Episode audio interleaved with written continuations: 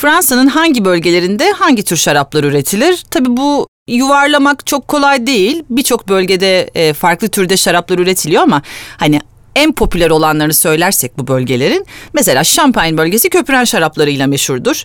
E, Loire Vadisi ağırlıklı olarak beyaz ama burada şunu demeye çalışmıyorum. Loire'da hiç kırmızı yoktur demiyorum yoksa çok kayda değer kırmızılar ve çok iyi köpüren şarapları da vardır. Ama ağırlıklı olarak beyazlarıyla ünlü bir bölgedir.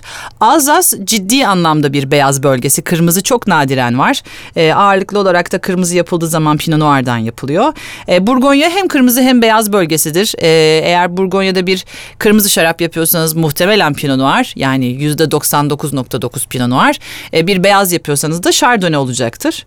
Bordo bölgesine bakarsak hem kırmızı hem beyaz var. Tabii ki farklı stilde şaraplar var. İşte demin bir tatlı Sauterne'den de bahsettik. Ama Bordo kırmızısıyla meşhurdur. Malum renge de adını veren şaraptan bahsediyoruz. Dolayısıyla kırmızısıyla meşhurdur ama birçok iyi beyaz şarap da Bordo bölgesinde mevcut.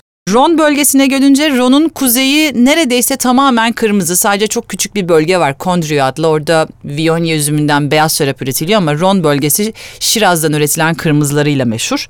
Ee, ama güneyde yani Güney Ron tarafında çok iyi roze yapan bölgeler var. Aynı zamanda kırmızı işte Chateauneuf du Pape gibi Côte gibi kırmızı şarapları da ünlü olan bir bölge. E, Languedoc-Roussillon'a gelince e, Languedoc-Roussillon e, ağırlıklı olarak roze, kırmızı ve beyaz. Yani aslında bütün şarapların eşit dağıldı ama muhtemelen kırmızının birazcık daha öne çıktığı bir bölge. Provence'a gelince de Provence'da roze demek aslına bakarsanız. Yani dünyanın en ünlü ve en önemli rozeleri aslına bakarsanız Fransa'nın bu Provence bölgesinden geliyor.